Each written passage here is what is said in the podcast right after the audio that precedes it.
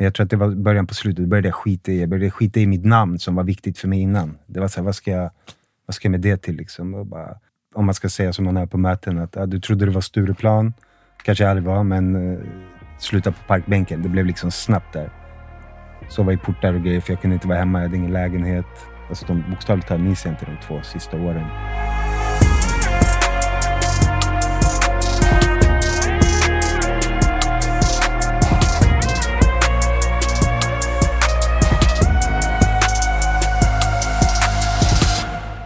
Ja, mina älskade fina lyssnare. Varmt välkomna till ännu ett avsnitt av Hedén med Boman och Granander, en beroendepodd. Mitt namn är Nemo Hedén och jag sitter här på min eh, favoritplats i hela Stockholm. Den gröna fåtöljen på Östermalm. Och jag gör den här podden eh, tillsammans med mina vänner från The House Rehab, Robert och Felix. Och ibland är de med mig här och då kör vi lite temaavsnitt. Och ibland så sitter jag här ensam med en gäst. Och idag är det det sistnämnda. Jag har med mig en vän som jag alldeles strax ska presentera. Men innan det så vill jag berätta lite varför vi gör den här podden. Och den här podden grundades en gång i tiden för att försöka krossa tabun kring beroende och medberoende. Försöka sprida lite hopp kring den här ganska hopplösa och mörka sjukdom. Försöka sprida kunskap, för det finns så mycket okunskap där ute. Och försöka rätta ut alla de här missförstånden och fördomarna som finns kring den här problematiken. Och eh, ja, av all feedback att döma så har den gjort mycket för många och det gör mig så otroligt glad och stolt och jag är så himla tacksam över att ni fortsätter lyssna. Så eh, om ni har någon feedback, vill önska någon gäst eller tema eller vad som helst, skriv till mig eh, antingen på Instagram eller mail och mejlen är gmail.com. Men nu ska jag inte snacka om mig längre. Nu ska jag presentera veckans gäst som är en kille jag lärde känna för eh, snart sju år sedan blir det. Ja, vi har några minnen ihop, men jag tänkte vi ska gå igenom dem tillsammans istället. Det är mycket roligare. Eh, han är en fin människa som jag har lärt mig jättemycket av genom åren. Sprider mycket klokhet och visdom eh, i tolvstegsvärlden och har hjälpt otroligt många. Det kan jag intyga, för det har jag sett från första parkett. Varmt välkommen till podden, Jimmy Keki. Tack, tack. Hur är läget? Eh, jo, det är fint. Mm. Det, du fick oskulden på det här med poddar. Mm. Ska erkänna att jag är lite nervös, men eh, men det är precis som det ska vara. Mm. Det var en massa tecken idag. Som, som bara, jag hade inga ursäkter och som, som jag har fått det till mig så är det bara att göra en tolva direkt när man får chansen. Och när du säger göra en tolva, förklara för lyssnarna vad du menar då. Eh, dela med mig av det jag har fått och jag har fått jävligt mycket. Är det okej okay att svära lite? Mm. Ja, men då så. Eh, nej men att ge tillbaks vad jag har fått. Och eh, framförallt, ja det är tolfte steget helt enkelt, inom tolv steg. Och man brukar säga att man lever i steg 10 eller 12 och det där var bara ord för mig till en början, något nå begrepp. Men tionde steget gör jag på daglig basis. Elfte morgon och kväll och tolva när jag får chansen. Mm. Och nu fick jag chansen och eh, även gå emot rädslan på samma gång. Så, så det är lugnt. När du säger att det har varit några tecken idag kring att du ska tacka ja till den här podden, kan du inte dela med dig lite av det? Eh, absolut. Jag var hemma eh, jobbar hemifrån, en eh, ynnest som man säger. Och eh, jag fick ett samtal av en vän i gemenskapen och vi har inte daglig kontakt utan eh, han hörde, hörde av sig och så pratade vi helt enkelt och eh, han är inne på mycket det här med, med Gud och Gud är ju så eh, stigmatiserat, tänker jag. Speciellt eh, från den världen jag kommer och, och, den världen jag kommer från är en väldigt, vad ska jag säga, rationell värld. Jag, jag försöker liksom hitta eh, agnostisk var ju min läggning om något. Jag trodde länge jag var ateist. Men det är det, och han, han har hittat någonting som funkar för han nu och eh, han sa saker som bara var helt i alignment vad jag behövde höra där och då. Nu minns jag inte exakt vad det var, men jag tänkte verkligen att nu, nu kör vi bara för att jag är tvärrädd för att flyga. Alltså. Jag är så himla rädd för att flyga och det här var samma grej. Det här. Jag blir så himla självcentrerad när jag flyger. Jag börjar tänka sig hur långt ner är till marken. Nu börjar jag i så fall tänka, ah, okay, kommer någon lyssna? Hur kommer den tänka? Så att jag liksom där och då sa jag bara ja, med han i luren så skickade jag det till dig. Okej, okay, men vi kör bara. Och sen så, så skrev du så här, ja men vi kanske kan imorgon annars. Det var så här, nej, det är idag det händer. Och, och bara, det är en del av det här sättet att leva och gå emot rädslor. Alltså jag älskar, jag älskar Stora boken faktiskt. Eh, det låter så programmigt, men det är ju ett sätt att leva. Och jag tänker där är just det här med att eh, det var förra veckans möte, eh, torsdagsmöte. Det var så bra. Det har gett mig så mycket sedan dess. Det var angående femte traditionen, att föra budskapet vidare. Och kommit till mig nu när vi pratar om det också. Så var det en, eh, en gammal legend i, i tolvsteget CA här, som var på de första mötena när de var tre stycken. Och så kom vi in på, eftersom de flesta där hade tid, så kom vi in på hur eh, ja, temat blev typ, i mina, det jag hörde var Gud ser. Och då tänker jag, för många gånger har jag tänkt så, här, det är ju mitt största problem här i livet när jag känner mig ensam. Men då var det ju en, eh, det var en tjejkompis för något år sedan bara. Hon sa till mig att du är aldrig ensam om du har Gud i ditt liv, men du kan vara själv. Och det där har jag försökt ta till mig också. Och eh, nu vill jag inte komma för långt bort från spåret, men det var det med att Gud ser och då kan jag känna mig lugn. Jag känner mig trygg. Det är precis som här och nu. Jag drog tredje stegsbönen här, vilket innebär, jag, layman's terms, lekmannatermer, så tänker jag att det är, blir det fel, då fanns det en mening. Då kanske någon kan lära sig av det. Blir det bra, ja, tack gode gud för att det blev bra, så kan jag liksom klappa mig själv på axeln. Mm. Men att i det här fallet, liksom, universum, vad man än vill kalla det, karma ser när du gör gott. Du behöver liksom inte ta åt credden för det och du behöver inte tycka synd om dig. Men det, det är mitt sätt. Det är liksom, om det vill sig väl så tar jag nio år eh, den 10 september nu. Så att det här är ingenting som har skett över en natt. Det har verkligen tagit tid. Det tog typ tre bast för mig att, att hitta någonting och börja släppa på, på, på det här kontrollbehovet. Och, och jag är tvärkontrollbehovig, om det är ett ord. mm. ja, eh. mm. ja, det är superintressant och eh, jag har följt din resa och eh, redan nu när jag sitter här med dig och vi har suttit här i tio minuter så känner jag att du har en energi som är lite annorlunda mot eh, när vi såg sist. Vi kanske, när såg vi sist? kanske var ett eller två år sedan. Det blir ju så långt mellan gångerna, sjukt nog. För vi går inte på, inte på samma möten så mycket. Sådär. Eh, men, men, men, du känns ändå jävligt, eh, nu svär jag också, här, här är Guds rum. Liksom. Men jag tror Gud är, är helt fine med svordomar faktiskt. Men jag tänker att du, eller det jag känner är att du har en, jävligt, en energi av att må jävligt bra, att vara på en bra plats. Och det är fint. Fint att känna. Uh, ja, när jag stannar upp. Mm. Det är någonting.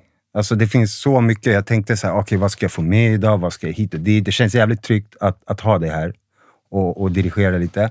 Men jag, det var så mycket och när jag stannar upp, de få stunderna jag faktiskt stannar upp, då, då kan jag känna den här tacksamheten och då kan jag på riktigt känna i mig, alltså i, i själen, det här var så viktigt för mig när jag hörde det här äh, och läste i en bok också. Istället, jag är inte bara en human being, jag är en human doing. Och, och jag är väldigt prestationsbaserad. Det här är ingenting jag har reflekterat över. Det här var flera år in i nykterheten också, jag började tänka på det. Men jag är tacksam och jag har nog, jag har ett lugn innerst inne. Men det, det är ingenting som, det blir så fel tänkt det är ingenting som kommer naturligt. Men det är ju just det. Det är bara när Alltså det, det är både en styrka och en, en, svaghet kan det vara för mig. För jag är väldigt mycket all in eller ingenting. Eh, men det har tagit mig så långt. Men som sagt, om vi ska snacka om en beroendepodd så, så vet inte jag när nog är nog ibland. Nej, men eh, det är helt fine. Och det är som sagt det är mitt, mitt jobb att, att guida dig lite här. Även om det ska vara din life story vi går igenom. Eh, och eh, Det kommer bli ungefär en klassisk life story som det brukar bli här. Hur det var, vad som hände och hur det är idag. Och eh, som sagt, du, du har varit nykter lång tid. Eh, du var en av de eh, där tungviktarna som man såg upp till när jag kom in för många år sedan. Så det är fint att få ta del av din eh, livshistoria idag. The extended version.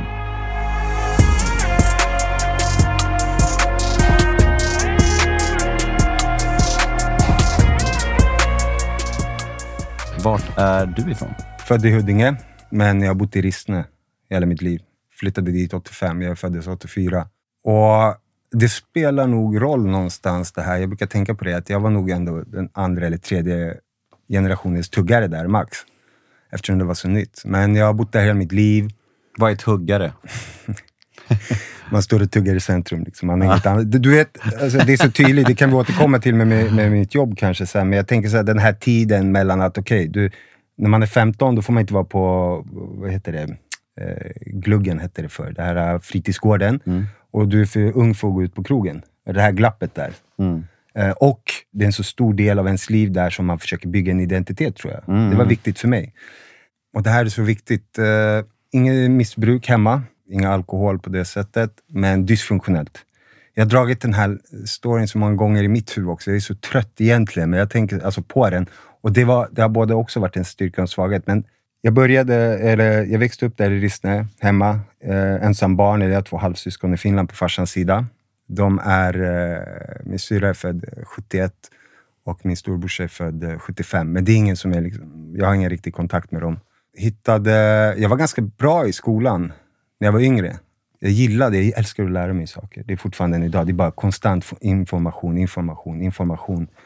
Till och med så att folk är trötta och säger till mig, kom igen, kan du inte bara se något för skojs skull? Men jag har ju ADHD. Eh, DAMP kallades det på den tiden. Och eh, det gick bra i skolan från ettan till eh, trean. När fick du diagnosen?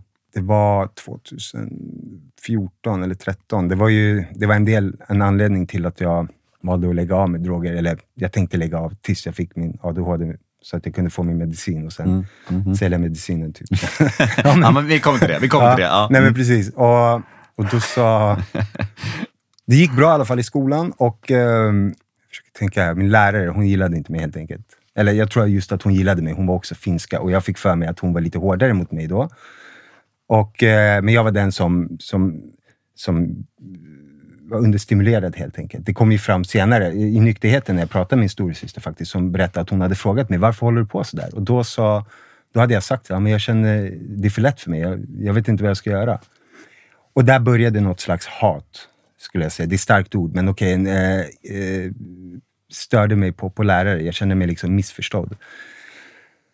Och eh, så där fortsatte det sen upp i skolåldern och min morsa jobbade ju på Marabou och eh, hon tog hem godis alltid. Min farsa, han tyckte inte om att jag åt godis. Det var liksom, jag fick inte käka ketchup, fick inte käka chips, fick inte äta godis. För jag började gå upp i vikt, eh, vilket har präglat mig jättemycket. Och den, den sitter kvar än idag. Det är en jävligt intressant psykologisk aspekt. Jag försöker tänka på precis som kanske om man har några andra, apropå beroenden och missbruk, eh, någon slags dysmorfofobi eller vad det heter. Den korta versionen i, under eh, högstadiet blev väl att jag ville skaffa mig en identitet. Jag ville nog inte bli mobbad, så jag började mobba andra. Och Det här är också en grej, det här utanförskapet. Jag har alltid känt mig utanför. Jag har alltid haft folk runt omkring mig, men jag har känt mig utanför. Men jag började i alla fall bete mig jävligt illa. Jag minns det var... Oh, jag ville så gärna ha en tjej, minns jag. Jag ville så gärna ha en tjej. Det var, eh, det var så här pedestal. Det är typ därför jag ens kunde det ordet till att börja med. För att jag liksom satte henne på en pedestal i så fall. Men eh, det var inte lätt alltså. 111 kilo, eh, 14 bast, eh, 1,63 var jag då. Så det var, det var tufft. Det var tufft på det sättet. Men jag var ju någon ändå. Och jag har alltid gjort, gått min egen väg. Så jag tror att ja, jag, jag har liksom gjort min, min grej och jag tror att jag fick med mig lite folk på den vägen också. Mm. Det är sjukt det där hur, hur en självbild kan cementeras så hårt eh, från barndomen eller från småbarnsåren eller, eller från skoltiden. När man liksom är någon helt annan i vuxen ålder så sitter ändå en bit av det kvar så pass länge. 100 procent. Och det är så tydligt idag när folk tror, både i mina arbeten, de tror att det är så himla cool med allting. Att det liksom är så här, du, du är inte nervös eller du är inte rädd för det där. Det är ju det som är poängen, att jag är ju så himla rädd. Det är det jag har varit hela mitt liv. Mm. Alltså, jag har inte ens vetat vad jag har varit rädd för. Och Det där är någonting jag jobbar mycket med. Men det, det, det är intressant hur det lever kvar. Och sen när jag har det här, jag vet ju inte hur andra upplever mig, men ibland får jag bilden av att folk tror att jag är en annan person och, och jag kan uppfattas på ett sätt. Men, men när man väl lär känna mig så, så är jag ju mycket mer eh, känslosam. Jag tror att, jag vet inte alla du känner, men jag tror att jag är i alla fall toppen där bland de känsligaste. Och sen så när tjejer vill freuda det där, då är det ju att jag är kräfta. Freuda, ja. kräfta. Nu får du, vänta, vänta, vänta, vänta, vänta. En sak i taget här nu. Vad betyder Freuda? Är det ja, att hon säger så här, utvärdera? Freud. Ja, Sigmund Freud. Ja, vet, ja. Alltså man liksom eh, kör något psykodynamiskt. Exakt, och, och kräfta? Ja, kräftan i stjärntecknet. Det är därför. Jag generaliserar att det var tjejer som håller på med det. Ja, jag förstår. Mm, bra. Skev självbild.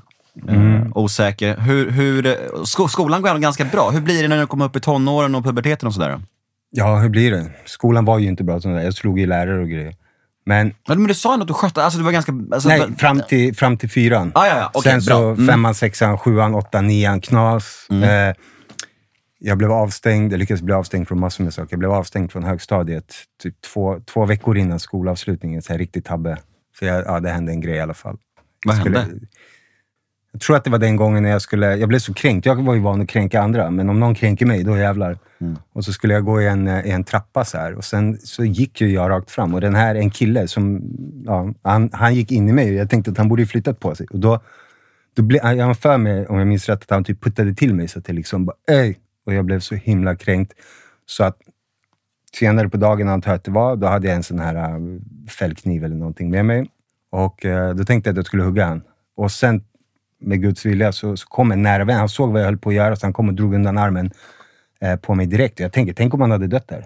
Alltså det hade ju kunnat förändra hela mitt liv redan där. Det är många gånger jag har sluppit sådana här saker. Men minns du att du tänkte att du verkligen skulle skada honom? För på den tiden, då var det så här, det blev svart. Mm. Det blev helt svart. Och, och det, det, var liksom, jag ville göra mig ett namn också. Det var viktigt. Det, jag tror att de allra flesta som, alla fall grabbarna, kan eh, identifiera sig med det där. Nu vet jag inte, nu lever en generation med TikTok och sådana här saker, så man kanske kan ersätta namn ändå. Men, men jag ville vara någon. Det var viktigt. Därav också eh, varför jag började kalla mig själv Kekki. För att jag är den enda Kekki i min familj. Min morsa heter Kekki, men det är inte min farsas namn. Jag hade ett riktigt... Eh, jag hatade min pappa. Jag gör inte det idag. Eh, och därav blev det. Vi hade flera Jimmy i Rissne. Vi hade till och med en annan Jimmy K, så då var det så här Kekki. Satte sig, du vet, branding. Mm. Och, och, och, så är det ju. Men så din kompis rök undan dig i grevens tid kan man säga? Yes. Och sen blev det något tumult av det. Avstängd från skolan. Jag gick ut med två två godkänt bara på den tiden. Det var väl typ 20 poäng eller vad man säger. Sen fick jag gå IV. Det här var år 2000. Uh, eh, men det blev inte heller så himla bra. Några dagar efter det så torskade jag och, igen. Uh, jag hade problem med aggressioner. Jag, jag vill i alla fall göra någonting varje, varje helg. Det är en ganska viktig del av, av mig, apropå vad en human doing, tror jag. Jag ville liksom skapa mig namnet. Varje helg, på den tiden var det inte som det är nu, att man går och skjuter varandra eller Folk använder inte ens kniv nu verkar det som, utan de går och skottar varandra i benen. Skottar, skjuter. Nu. Mm. Men jag minns att jag ville göra mig ett namn och jag tror att jag lyckades ändå på den tiden. Du ville att folk skulle respektera dig? Ja, men det är det här talesättet. Du kanske kan det i huvudet där med alla vill bli älskade, kan man inte bli det vill man bli fruktad, kan man inte bli det vill man i alla fall bli hatad. Typ. Alltså, mm. någon, man vill ju vara någon. Mm.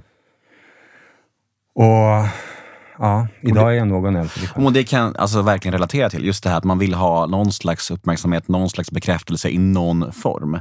Och, och det, det är så jävla det är så jävla obehagligt, för när man bryter ner det lite till molekylnivå så kan man nästan, och jag säger nästan, förstå sådana här som äh, sysslar med, med alla, alla de värsta diktatorerna genom tiderna. För att, alltså, in, inte förstå dem, men du förstår vad jag menar. För att, för att eh, det går så långt tillbaka. Det handlar om att de också har det här problemen som vi har, fast så mycket, mycket värre och så mycket mindre spärrar och så mycket gränslösare. Jag menar det, med, med de resurserna. Mm. Det, det räcker ju som så. Och jag är så glad att jag har gjort den resan jag har gjort. För att, och jag är glad att jag la av, det kan vi ju komma till också sen, att jag la av i god tid. Alltså just sådär, för att egot hade blivit så prövat nu för tiden med de här. Det går inte att leva så som jag gjorde eh, idag utan att få riktiga konsekvenser.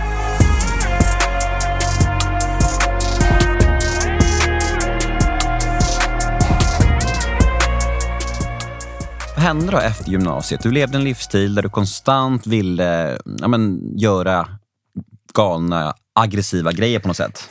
Och, och vad, vad, vad, vad, tog ditt liv för riktning och, och liksom, hur såg det ut? Alltså grejen var den också, jag, kunde, jag gillade inte att vara hemma. Hemma var jag ju fången. Det är den där typiska eh, storyn om att okay, man kan inte vara hemma, man tar ut det på någon annan. Det som var var att jag var ute. Jag var, ju äldre jag blev så kändes det som att jag skulle vara hemma tidigare på kvällarna också. Min farsa gick bara in direkt på rummet. Jag älskade att spela tv-spel också, så jag kunde sitta där. Men ute var jag tvungen att göra någonting. Jag antar att det var ett, eh, jag vet inte om det var ett självskadebeteende eller någonting också i det. Är du bekväm i att prata om vad som eh, var problemet med dig och din farsa? Ja, absolut. Jag tänker så här, det, det, det här är storyn jag har berättat hela mitt liv. Uh, nu är det lite så, okej, okay, nu sitter jag och gör det här och, och vi kan ju återkomma till det, men jag träffade min farsa första gången nu eh, på typ jag vet, 12 år nu, här på midsommar. Jag, jag bröstade det och åkte till Åland, där han bor. Mm. Eh, men, eh, så jag vill liksom, idag, jag hatar inte honom. Jag tycker att han är en sjuk man, det står jag för. Jag har inte sagt det till honom, för vi kan inte prata riktigt så, känner jag. Men, men det som var, var att jag kan ju se idag, jag har tänkt så mycket. Förr var det bara blint hat. Du vet, bla, bla, bla, missförstådd. Jag tycker SOS, jag tycker alla de här eh, failade. Jag tycker också, all kärlek till min mamma, jag älskar henne, jag ska säga det sådär. Men jag tycker att hon eh, också failade. Hon gjorde så gott hon kunde säkert. Men det var så här, vi kan lägga det på den nivån att det behövde inte vara våld hemma alltid. Men hotet om det var värre tycker jag. Och det tog ju jag med mig när jag började uh, göra det på andra. Du vet den här när det inte ska kunna gå att bevisa. Vet, hey, jag vet inte. Hey, den där. Och nu, nu gestikulerar jag här så mm. ingen annan kan se. Men precis. Och, det är nästan värre ja, för det blir så abstrakt och liksom så här, det så här blir så subtilt på något sätt. Att så här, det, det, det går aldrig, går aldrig att döma någon för det eller, eller anmäla en sån grej, men man vet, vet om att det finns där. Ja, och det kunde vara sån här... Äh, jag fick... Äh, det var en jag pratade med på vägen hit och hon sa så här. Hon, hon bara, tänk på att inte säga saker du inte kan stå för om tio år. Typ. Så, och fine. Alltså, och, och jag menar det. Men jag tänker så här, det som var hemma där, det var inte okej. Det var sån här psykisk, eh, psykisk grej. Och det, jag tycker det gör ont att tänka på det idag. Att hur det måste också ha varit för min mamma. Min farsa han är själsligt sjuk, som vi säger i, i programmet. Och, och själsligt, om, om jag ska säga hur, hur jag greppar det, det är ju det här känslomässigt. Det är ju som när jag träffade honom nu där på, på, på Åland efter alla de här åren. Jag kunde lika gärna vara död, så vitt han vet. För vi har inte setts på hela min nykterhet. Och han pratar om sig själv. Och vet du vad, det kan jag göra många gånger också. Så det, det är verkligen ingen judgment. Det var bara var så intressant att när vi sågs efter alla år, och jag tänkte inte ens på det, det var de här gamla rollerna. Utan då, då var det, han berättade om allt han har gjort under alla år och visade samma bilder som det var för 20 basten. Och, och, ja, han är sjuk. Han är, han är jättesjuk. Jag tror att han inte pallar att öppna upp de där delarna av sig. Eller så kanske han inte har förmågan.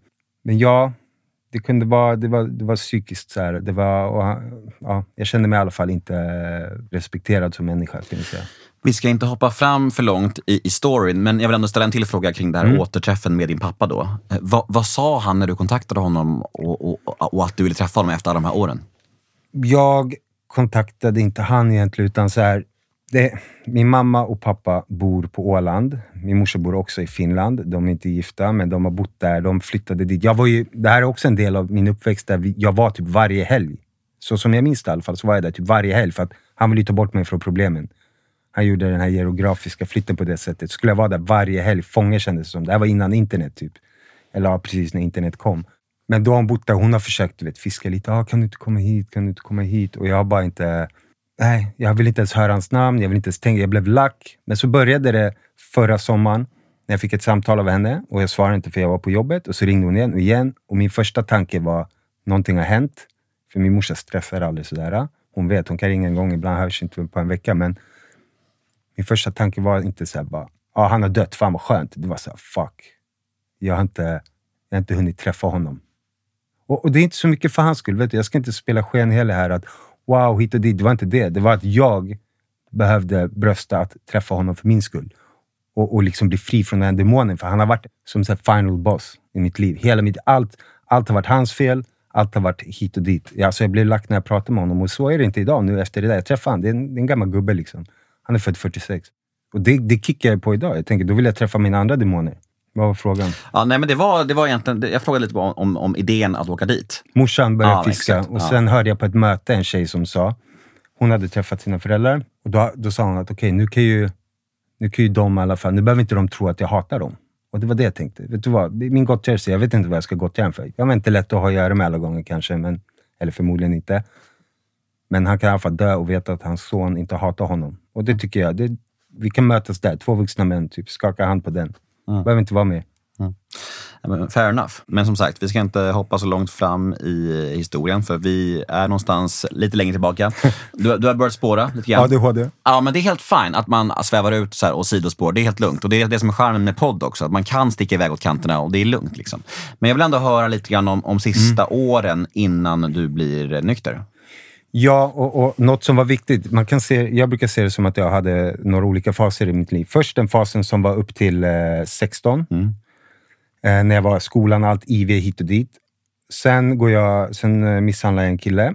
Jag lärde mig inte den läxan. Det har med eh, storyn att göra. Här, att jag, jag slog en kille som inte höll fast sin vän. Eh, jag var bara så här, loose cannon på det sättet. Fick en rättegång. Du slog en kille för att han inte var fast med sin vän? Nej, han höll inte fast sin vän som jag ville slå. Jag fick typ infall. Oh, shit! Ja, nu fattar jag. Ja. Och så, så jag slog han istället. Det Ja, blev ja. rättegång, jag blev arg för att han golade. Alltså att han satte dit mig. Vilket, jag tror inte han ville det egentligen. Jag tror att han var nojig, vad vet jag. Klarade mig från den rättegången, morsan betalade böter, du vet hela köret. Ingen läxa lärd.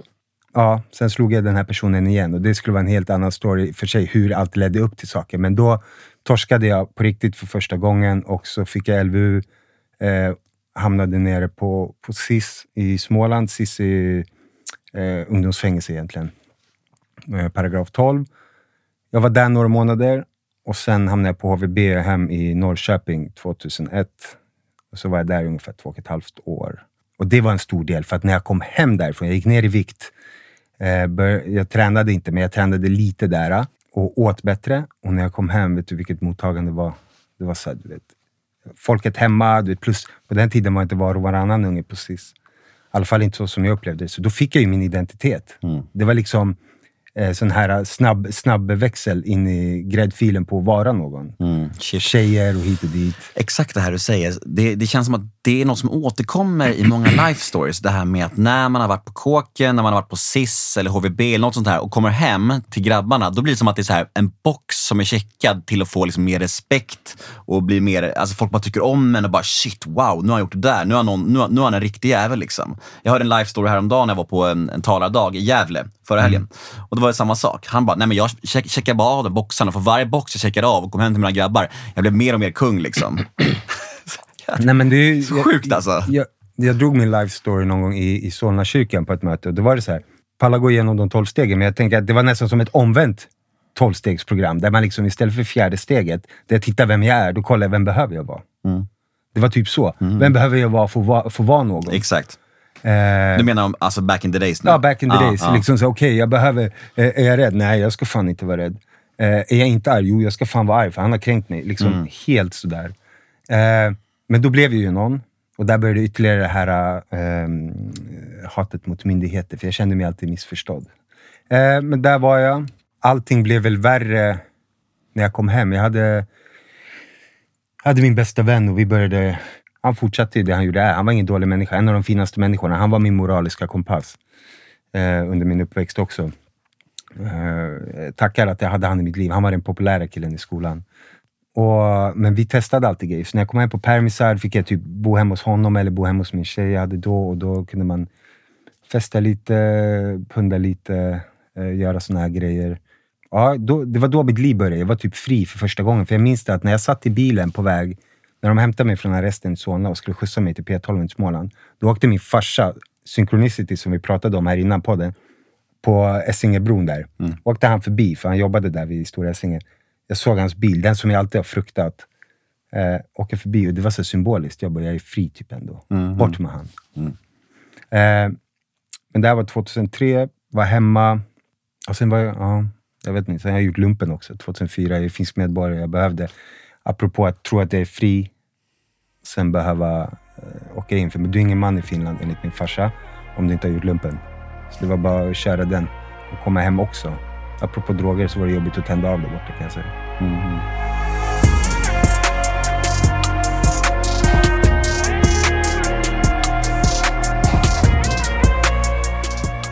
De här åren då, från efter lumpen fram till att du blir nykter, hur ser ditt liv ut då? Jag var i en riktigt destruktiv relation Eh, där vi båda var jätte, jätte destruktiva. Vi träffades 2004 där när jag gjorde lumpen och åkte iväg. Vi var tillsammans typ 2008. Och det här är ganska, jag, jag har ändå varit en eh, slitare någonstans. Jag har liksom velat göra rätt för mig. Jag har ändå haft bra värderingar i grunden tror jag. För att jag är ju inte den personen som jag... Och jag tror att det är därför folk har stört sig på mig. För att de har sett igenom det. Så, Mannen, vad gör du? Liksom. När jag började försöka jobba, jag började jobba på Manpower minns jag 2005, när jag kom hem, första jobbet. Då hade man något tillsvidareanställning. tills vidare anställning eller någonting. Jag provade ett år, sen kastade de en direkt. För då var det så, då har de ingen användning för den. Jag tror att det kostar väl mer som arbetsgivare då. Eh, försökte lite andra jobb, kände mig lurad och sen eh, minns jag att det var 2007, 2008. Då blev jag lack på ett jobb som jag kände att jag hade slitit för, som gav min plats till någon annan. Och då tänkte jag, men jag känner folk som tar droger, jag känner folk som kan fixa droger. Jag började sälja droger. Eh, Du hade ingen alls mental spärr där att det här är kanske inte helt rimligt? nej, alltså jag, jag använde ju droger i flera år. Så Ja, jag vet, men att gå, använda och sen sälja är ändå en tröskel. En- Jag gjorde samma sak, så jag dömer inte. nej, nej, nej. nej. nej men jag tror att jag, jag rationaliserar det som att så här, ah, men systemet knullar mig så jag mm. fuckar systemet tillbaka. Såg det att jag ändrade ordet där, snyggt. Ja, ja visst. Eh. Men det där är så skönt hur man har den här, hur man liksom så här rättfärdigar saker för sig själv. Jag gjorde samma sak på mina arbetsplatser. Du vet, när jag jobbade på Filmstaden Sergel så var jag bara så här. Fan, alltså det är så dåligt betalt här, så jag, ska fan, jag snor pengar i kassorna, för då, då, då, då jämnar det ut sig. Det blir en normal lön, för jag snor mellanskillnaden. Och tyckte det var logiskt. Ja, nej men alltså 100 procent. Ja, ja. Det, det är så. Nej, men så det var väl där det började och det gick bra någonstans, alltså med det. Jag har ändå varit liksom, jag är ganska mycket så här eh, strukturerad, jag, jag kan hålla i cash när det kommer till så. Eh, och, och, jag har tänkt många gånger, vad var det som hände egentligen? Vad var det som, som var den här... Jag har inte, jag har inte den här, jag åkte in i en bergsvägg och därför blev jag nykter och drogfri. Jag har inte den här pang bom, ena dagen till den andra bli av med barnen eller något. Utan jag tror att det började 2009 när eh, han, min bästa vän, eh, Mattias, som han hette, eh, dog. Och jag brukar... Det där tog skithårt på mig. Alltså, det, var en, det var den värsta grejen som hade hänt mig i mitt liv då, 2009. Men jag brukar alltid flyga förbi den där i mina life stories. För det är någonstans, det är lite som med min story, att jag är så trött på... Du vet, jag, jag, jag levde kvar i den där. Det är inte att jag inte bryr mig såklart. De som vet, de vet. Och, och, och, jag har ingenting att bevisa där känner jag, men ibland känner jag så fan är det något fel för att jag inte går runt och mår dåligt än idag över det? Jag kan ju liksom garva. Jag kan, nu såg ingen annan det, men när jag började tänka på han här innan när vi pratade, då, då fick jag ett leende. Och inombords. Eh, men när han dog... Vad var det som hände? Oklart. De säger att det var någonting med, med hans eh, hjärta. Och det, eh, ja, det är den officiella storyn. Sen så jag vet inte. Alltså, det, det var någonting. Det var en eh, olycka kan man säga. Men han dog i alla fall. Eh, det var början någonstans där och då minns jag att då tappade jag min den här moraliska kompassen. Han var ändå den som kunde liksom hålla mig någorlunda så. Sen hade vi en annan, eh, min bästa tjejkompis som brukar hänga mycket med honom också, Angelica. Vi umgicks mycket det året. Men eh, hon började också, hon hade ju också, i alla fester som de flesta ungdomar gör, tänker jag. I alla fall om man är i det här. Och, eh, hon dog också sen eh, olika med droger inblandat. Jag vet inte vad jag ska säga om de här sakerna. Jag tror det är därför jag eh, inte brukar prata så mycket om dem. Eller så kanske det är att det är någon blockad. Jag vet inte. Jag vet bara att för varje människa som har dött, även hon jag var tillsammans med i fyra år, dog ju 2009 där. Så jag tror att det liksom, jag har bara lagt locket på där mycket. Mm. Eh, det finns inget rätt och fel hur man ska behandla trauman. Alltså så här, om du liksom, så här, det är väl ingen som måste pratar massa om det och måste vara... Du har ju bearbetat det på ditt sätt, tänker jag. Ja, och det var ju det, var ju det som var... Jag tror ändå, om jag ser tillbaka på det, att de grejerna har, eh, var början på slutet. Mm. För att liksom, då började det med Subutex, jag började mycket med, jag sålde mycket Ictorivil mm. och, och cannabis. Jag tror att det var början på slutet. Började jag skita i, jag började skita i mitt namn som var viktigt för mig innan. Det var så här, vad ska jag, vad ska jag med det till? Liksom? Och bara, jag betedde mig bara... Då blev jag verkligen den där, om man ska säga som man är på möten, att ja, du trodde det var Stureplan. kanske jag aldrig var, men uh, sluta på parkbänken. Det blev liksom snabbt där. Mm. Sova i portar och grejer, för jag kunde inte vara hemma. Jag hade ingen lägenhet. Uh, kunde varit hemma hos morsan där, men farsan kom ju dit. Så det var de sista åren sådär. Uh, sen minns jag inte de typ...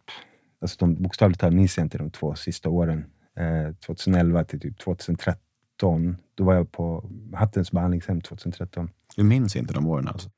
Förmodligen eh, var de... Alltså min, min cocktail varje dag var ju alkohol när jag vaknade. Eh, tio Ictorivil, eh, Subutex, en åtta. Eh, och Subutex är alltså heroinsubstitut, eller Ja, precis. Mm. Eh, syntetiskt. Och Ictorivil är någon slags bens, eller? Ja, det är klonazepam är det aktiva ämnet, men det. det är för epilepsi egentligen. Men det är lugnt. Blandar mm. man rätt så är det så himla skönt. Alltså. Nej, men jag måste... ja, men du får säga, det är klart ja. du får säga det. Vad fan. Nej, men det, var ju, det var ju min grej. Det värsta ja. var ju att det var det som behövdes. Och sen eh, röka på det och sen lite chack också om det fanns. Det och, sen, ju... och sen var du igång för dagen? Ja, mm. jag tror bara att jag... Så jag sa att du noddade. Då mådde jag bra. Folk tror ju så här, ja, när någon står i backhoppar-pose, liksom utan att de mår dåligt. Det är ju bara det att de, de mår ju inom citationstecken bra. Mm. Men, eh, men det där var liksom, jag tror att det säger ju något om mitt state of mind. Ja, men inte konstigt då att du hade minneslucka i två sista åren, kan man säga. Om du, om du smäller i dig det där varje dag. Men vad hände då sen efter två år? Det låter som att du lika gärna kunde ha dött. Ja, det kunde lika gärna varit så. En av mina eh, närmsta vänner, han är ju i programmet idag också. Han har ju sett hela vägen. Han brukar påminna mig om det där, för han minns Han sa att han såg döden i mina ögon. Han träffade mig i Solna centrum. Och till och med ett ex som jag hade som ex brukar man inte vara så himla bra kompis med, men hon sa till och med hon var orolig. Hon kände att jag är näst. Så att det är det jag tänker. Jag tror ju idag att det finns ett syfte med att det, så här, det kanske alla försöker inbilla sig själva, men jag, jag, tror på riktigt det. Jag vet ju bara inte riktigt vad som är. Jag tror att det är det här när man mår inte bra med droger eller utan till slut. Och så, jag minns att jag sparade ju eh, hårset. Jag tänkte så att jag ska börja med sprutor och det när jag känner att, alltså sista, jag vill ha en sista skön väg ner. Eh, eller ut ur den här världen. Men, eh, men tack gode gud kom det aldrig så långt. Jag tänkte att jag ger det en sista chans. Jag fick hjälp av ett annat ex som, eh, som hjälpte mig in på behandling. När, när myndigheterna som jag upplever inte lyssnade på mig. De sa gå på öppenvård, gå och gör det här, gå och gör sådär. Men så kom jag in på ett ställe först. Och det slutade på hatten i alla fall 2013. Ja. Och var det direkt så när du, när du kom på behandlingshem att du liksom, nu gör jag det här, nu kör vi? Eller var det bara så här, ah, vi får se, vi får se, vi får se? Så som jag minns, och jag, jag minns, jag var på ett annat ställe i Söderhamn först. Och de tre första veckorna där var jag helt clean. Alltså du, om något så vet du hur stort det är att vara clean, helt clean i tre veckor. Eh, så det var jag först på avgiftningen där. Sen, eh, man är inte i så toppform känslomässigt, så då, till slut behövde jag slå en eh, kille. Och, och jag säger behövde här eh, i rätt användning, för att det var så, det var så jag kände. Att jag, han, han vägrade liksom ge sig med en grej. Eh, då blev jag utskickad. Sen sa de, om du håller dig en vecka och inte laddar på med något annat än det som du redan har i, för man fick ju nedtrappning, då får du komma tillbaks. Och jag minns, och det här försöker jag påminna mig själv om, på vilken nivå det var. Alltså jag satt och grät med mitt ex på en krog. Jag fick dricka hur mycket jag ville och jag hade en FM1 som är en Benz. Det var allt som jag skulle ha och klara mig på en vecka. Alkohol och det där. Jag fick inte liksom fylla på med och jag grät och jag grät. Och, och, och intellektuellt minns jag det.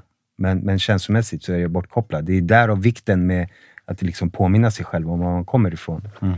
Men jag fick komma tillbaks, blev hemskickad eh, fyra gånger till och sen femte gången kom jag inte tillbaks. Då kände jag så här, fuck det här stället. All kärlek till dem idag.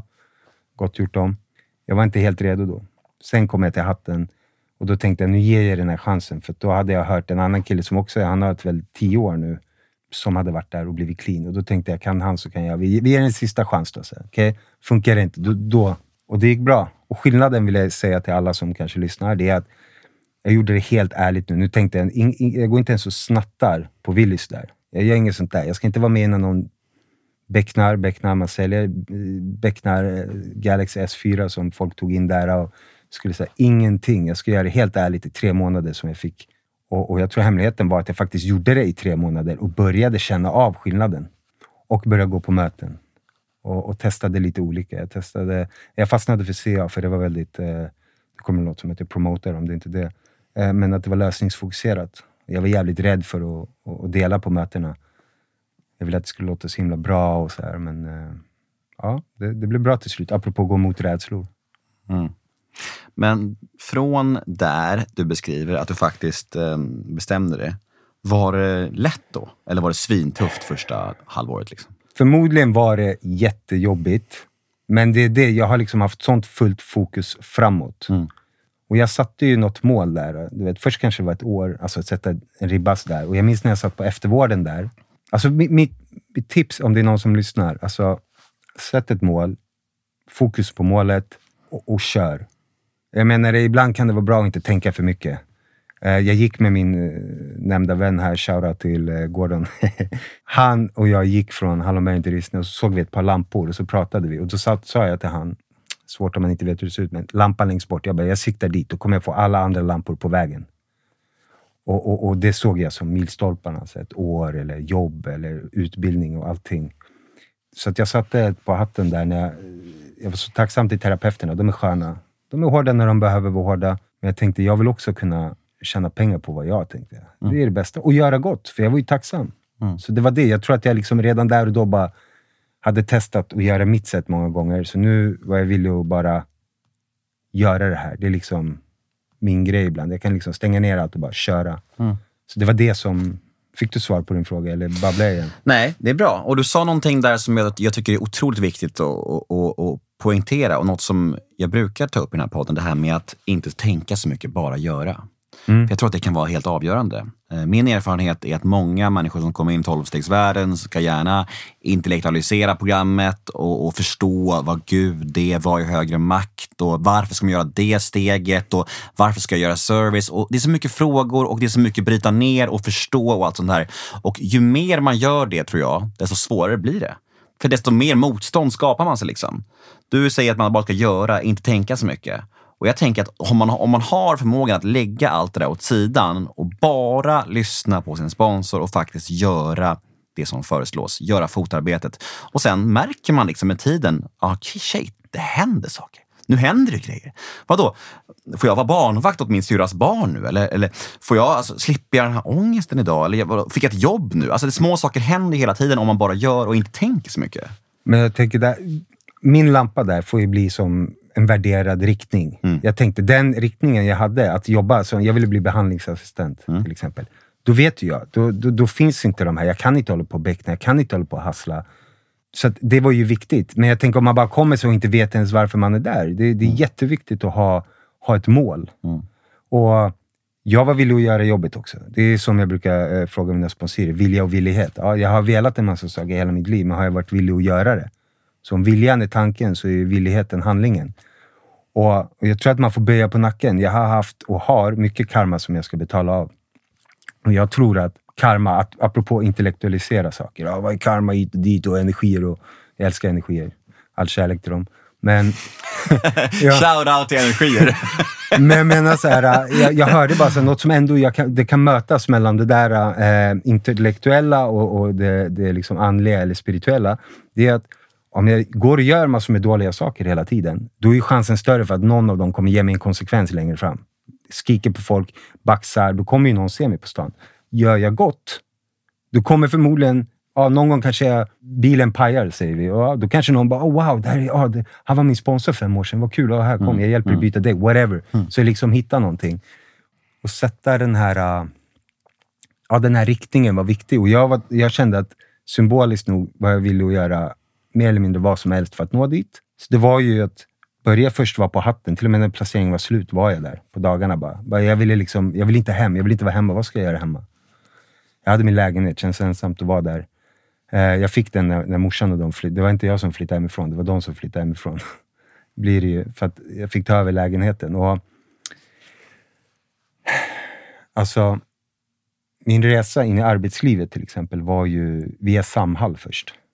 2014. Jag gick på arbetssupporten där i Sumpan och sen, ja, det är ett jättebra ställe, men det var inte för mig.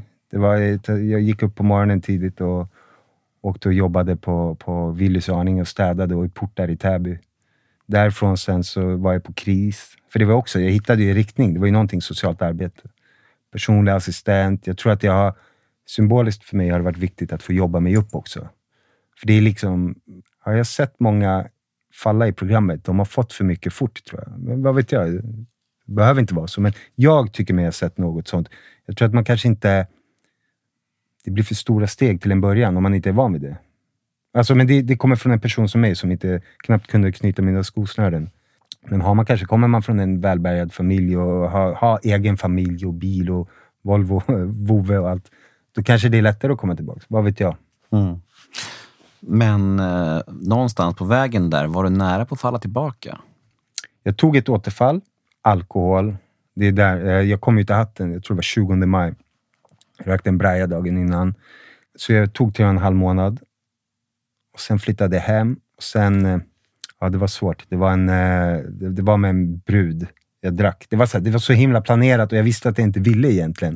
Men jag visste inte hur jag skulle vara med en, en tjej. Alltså så här, ens prata, träffas. Så att det var som att hoppa bungee jump och dricka den där biran, för det kändes inte bra.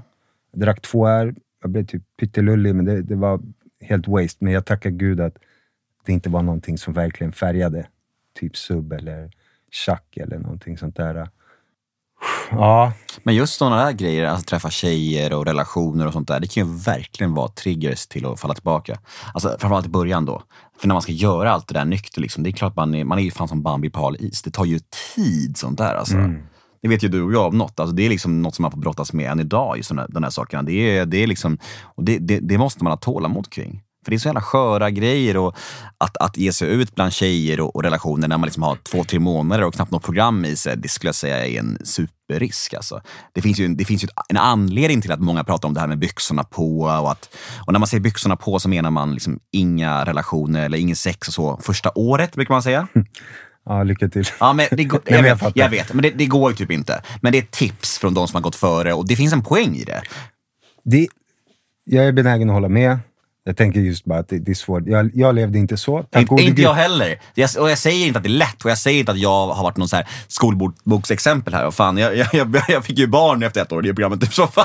Nej, men, alltså, du förstår vad jag menar. Men, men, men jag tror att det är ändå så här, det är värt att nämna att just relationer och sex och sånt. Det finns en, det finns en anledning till att, ett, att, att en av listorna i steg fyra och fem handlar liksom om sex. Alltså det, är- det är liksom ingen slump. Ja, och, och kvinnor är ju min akilleshäl. Alltså det är ju det. Och, och säkert om vi ska freuda det och kolla när jag, när jag inte fick någon tjej när jag var yngre, du vet, den där bekräftelsen och hit och dit. Men, men jag har ju lärt mig. Jag, jag, jag typ, jag räknar inte med den relationen jag hade i, i, i det aktiva, för att där jag lärde mig noll. Det var så här, det var alltid fel på bruden. Det var aldrig någonting jag hade gjort. Även om jag visste att jag hade gjort det. Så, så pass mycket självbedrägeri. Men i nykterheten så har jag haft tre relationer. Och de har ju, det är de som verkligen, verkligen, verkligen har lärt mig mest. Och, och folk håller på, ah, hur är det att vara nykter? Är det tråkigt att hitta? Det jag har haft mina värsta stunder. Förutom när Matte och Anki dog, har jag haft mina värsta stunder i nykterheten. Med det sagt, jag lämnar det på cliffhanger. Nej, det är att... Eh, Tack för idag. Hej då! Nej, men eh, jag menar, alltså, det, det är för att jag har behövt möta de här eh, känslorna som jag aldrig gjorde förr. Och jag har lärt mig. Jag hittade min första relation som tog slut i nykterheten. Det var där jag fann min högre makt. För det var första gången min sponsor sa till mig när jag åkte därifrån, när det var liksom definitivt slut. Du kan inte låta kontakten med henne gå ut över kontakten med din högre makt. Och det betyder, om jag inte mår bra i relationen, så alltså då kom, det säger sig självt, man kan inte vara i någonting som inte ger energi, alltså konstant. Du kan inte hälla ur en tom kopp till slut. Och jag valde att släppa taget och lita på honom. Alltså en, det, han var förlängningen till någonting som jag kallade högre makt då. Han var ju vägen till det. Din sponsor. Ja, alltså att, att jag litar på han och inte litar på mig själv. Och det gick bra. Och då bara, wow, det, det kan gå bra om inte jag gör som jag vill göra alltid, även om det är välmening. Samma sak, andra relationer som tog slut. Den var ju också riktigt tuff. Jag förstod, jag tyckte att jag var, hade betett mig bra och allt. Men jag tänkte, det kanske inte handlar om mig. Gud kanske gjorde för mig det jag inte kan göra för mig själv. Och, och vet, man får göra lite mental gymnastik i det där ibland. Men det makes sense. Och vet du vad? Om det inte är så, så är det inte så. Men jag mår ju bättre av att tänka så. Och det var, där fann jag också någonting, liksom, att det kan bli bra om jag inte är där och, och gör saker. Ibland behöver jag släppa taget och det är ganska skönt. Men, eh, ja. Och så vidare. Och så blir det ju lättare faktiskt. Det, det, eller det kanske inte blir lättare. Det kanske är jag som blir starkare. Vad vet jag? Ja, eller både och. Mm. Vi ska koppla in eh, mina vänner och kollegor från The House Rehab för att svara på en lyssnarfråga och segmentet heter The House svarar.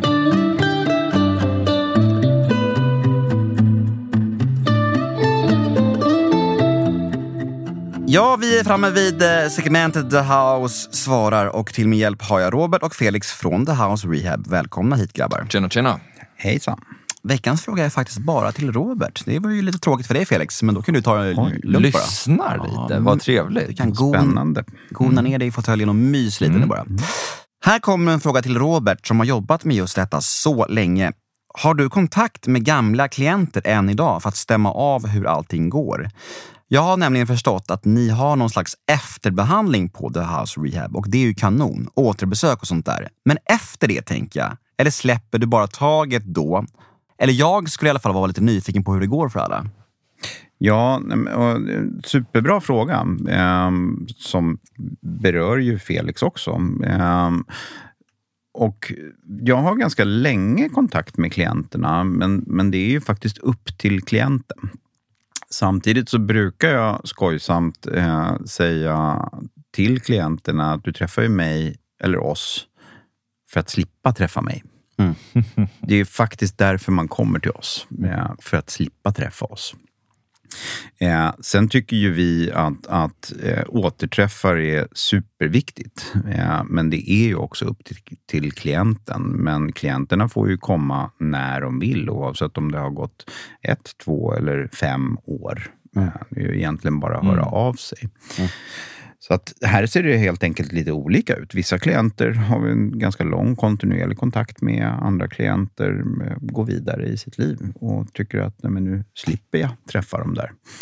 Eh, och vad det gäller eftervården så är den ohyggligt viktig. Den har ju inom beroendevården i mångt och mycket varit något slags nödvändigt ont som behandlingshem måste, måste ha vi har ju valt att utveckla eftervården och försöka göra den lite djupare. Eller inte försöka, utan vi har gjort den lite djupare där vi har olika teman varje gång eh, och går lite, lite mer på djupet helt enkelt eh, i eftervården. Den är också viktig för de klienterna som inte vill gå på möten. Mm. Ja, för det är faktiskt inte alla som vill det. Mm. Där brukar vi säga så här, vi kan inte sticka under stol med att, att, att av de klienterna som börjar gå på möten och går in i grupper, där ser vi ett stabilare tillfrisknande.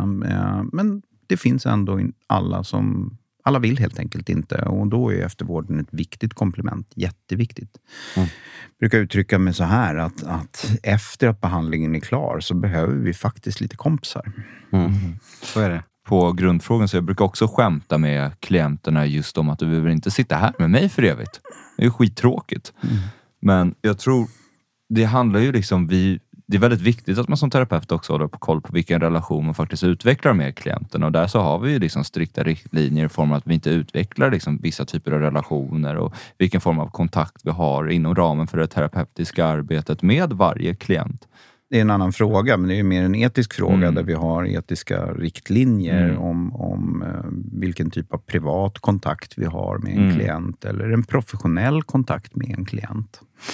Och tänk vad Robert, vissa klienter sitter du med många år senare i en poddstudio med. Precis. Mm. Men hade du frågat mig när du hade tre, års eller tre månaders nykterhet så, så uh, hade vi faktiskt sagt nej. Ja, det förstår jag. Mm. Med all rätt.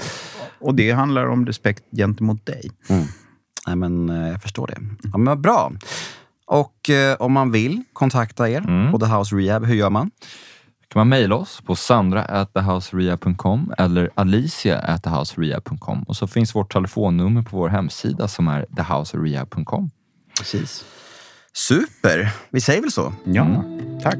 Tack.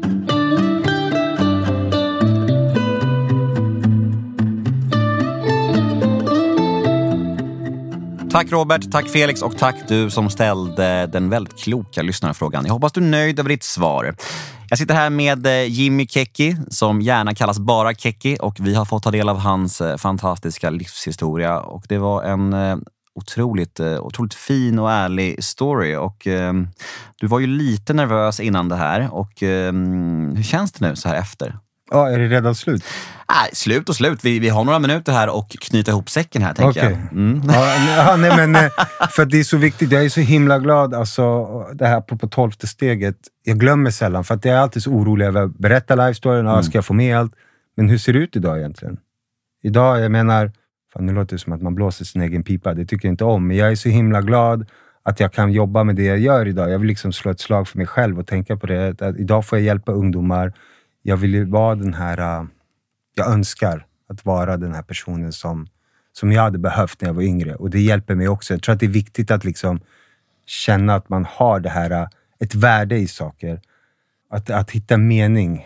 Många pratar om mening med livet, men jag hörde någonstans att det är att ge, ge livet mening. Och det har ju jag idag. Mm.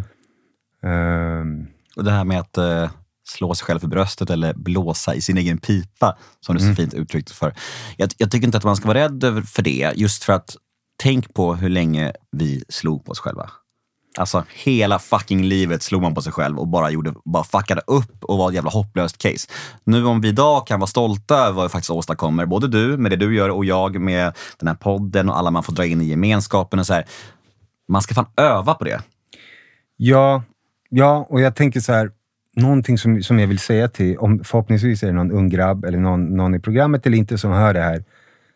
Alltså nyckeln, jag gillar ju att säga det på mötena, att, att tacksam för att jag tagit chansen att säga sanningen om mig själv. Och det var just det här att jag, jag gick runt och var arg när jag egentligen var rädd.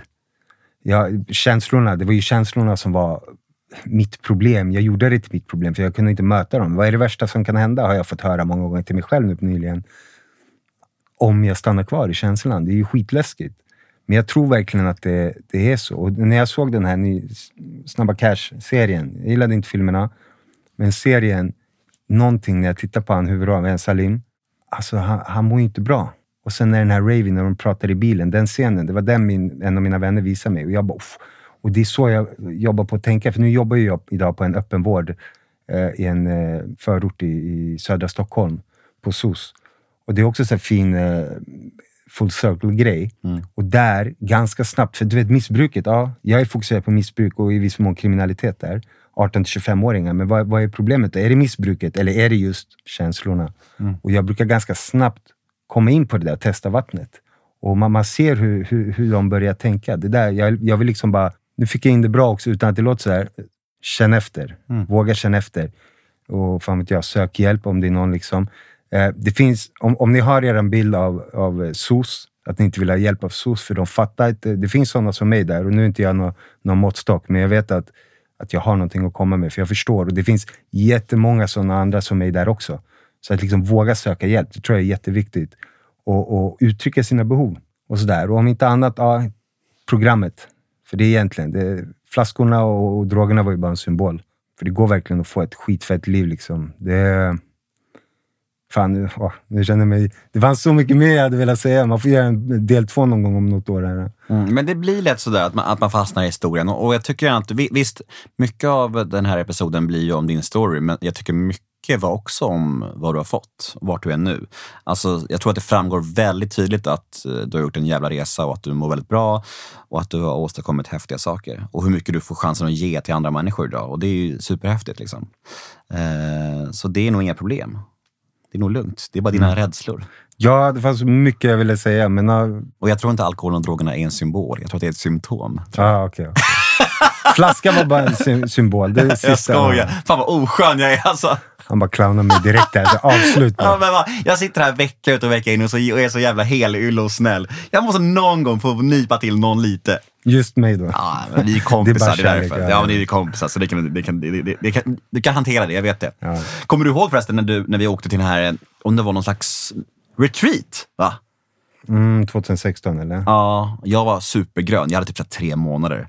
Vi åkte i en- bil, du, jag och några till, och, och, och till ett retreat. Och du eh, var liksom i mynningen, alltså i början på din första relation då, programmet antar jag.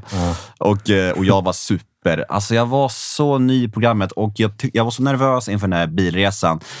Och jag kommer ihåg hur självcentrerad jag var på den. Alltså ett retreat, det är som ett, min, ett litet konvent kan man säga. Det är tolvstegsfolk, det är lite, så här, det är lite meditation, det är, det är lite life stories och det är häng liksom, kan man- säga. Det är lite fördjupning i andligheten och sånt där. Och jag har, och jag har liksom ett, ett minne därifrån som så tydligt sammanfattar hur man kan vara i början. Att jag kommer ihåg att du gick iväg med typ så här, den här tjejen då, eller, eller någon annan kille. Så här. Och jag bara tänkte hela tiden, nu går de och pratar skit om mig. Hela tiden. Nu snackar de skit om mig. Kanske vi gjorde. Ja, men det kanske ni gjorde. Absolut. jag är bara tillbaks. Ja, exakt. Nu står det 1-1. Nej, men det säger någonting om det här med att vi, vi brukar prata i programmet om att själviskhet och självcentrering är roten till våra problem. Och just det där är självcentrering för mig. Man tror att andra pratar om en. När det finns noll fog för det.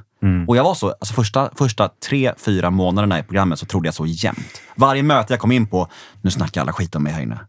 Så jävla läskigt hur hjärnan är fuckad i början alltså. Usch!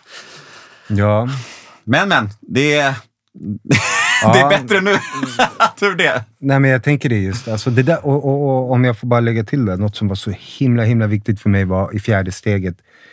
När jag fick se det här äh, med rädslorna. Vad, det- vad det handlar om. Liksom. För jag var ju också där när jag skulle dela på möten. Det var ju en av mina rädslor som jag var inne på tidigare. När, när jag gick, bröt igenom det med min sponsor. att Okej, rädslor. Dela på möte, vad handlar det om? Okej, rädd för vad andra ska tycka. Bryt ner det igen. Att inte duga. Ja, de går hand i hand egentligen. Men när jag sen bryter ner det till en annan grej, kontrollförlust i grund och botten. Än idag har jag inte hittat någon rädsla som inte handlar om att som inte handlar om kontrollförlust i en eller annan form i botten.